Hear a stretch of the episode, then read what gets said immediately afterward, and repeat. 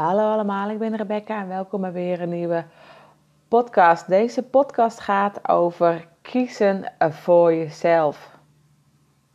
Want je herkent het misschien wel. Je hebt een avond vrij en op deze avond vraagt een vriend of vriendin of je mee uit wil. Eigenlijk heb je niet zo veel zin. Maar om die ander niet teleur te stellen, ga je toch mee. De volgende dag voel jij je opgebrand en heb je spijt van jouw stapavond. Herken je dit? Stel jezelf dan eens de vraag wat de reden is dat jij niet voor jezelf kiest. Wat is dat? Is het angst voor afwijzing? Angst om alleen te zijn? Of is de angst om anderen teleur te stellen? Vraag jezelf eens af waarom jij je steeds aanpast aan die ander. En waarom je niet voor jezelf kiest. Vraag jezelf eens af hoe het zou zijn als je jezelf op één zet. Dat je je niet hoeft aan te passen of dat je niet bang hoeft te zijn voor een afwijzing.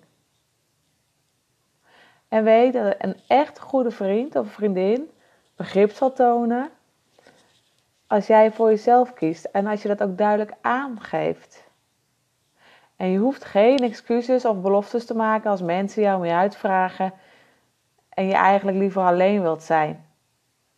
Want hiermee geef jij een signaal af dat je de ander niet teleur wil stellen en dat je niet voor jezelf kiest. Angst is het tegenovergestelde van liefde. Al ons handelen komt voort uit deze twee gevoelens. Of we handelen vanuit angst, of we handelen vanuit liefde.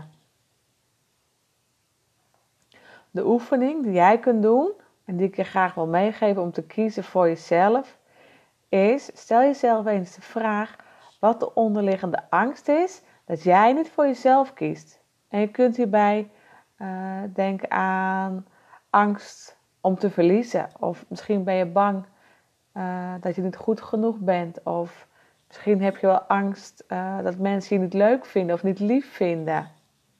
En schrijf dat eens op voor jezelf in jouw boekje. En dan wens ik je heel veel succes met deze opdracht. En dan wil ik jou weer bedanken voor het luisteren naar deze podcast. En ik wens je een mooie week toe en tot de volgende podcast.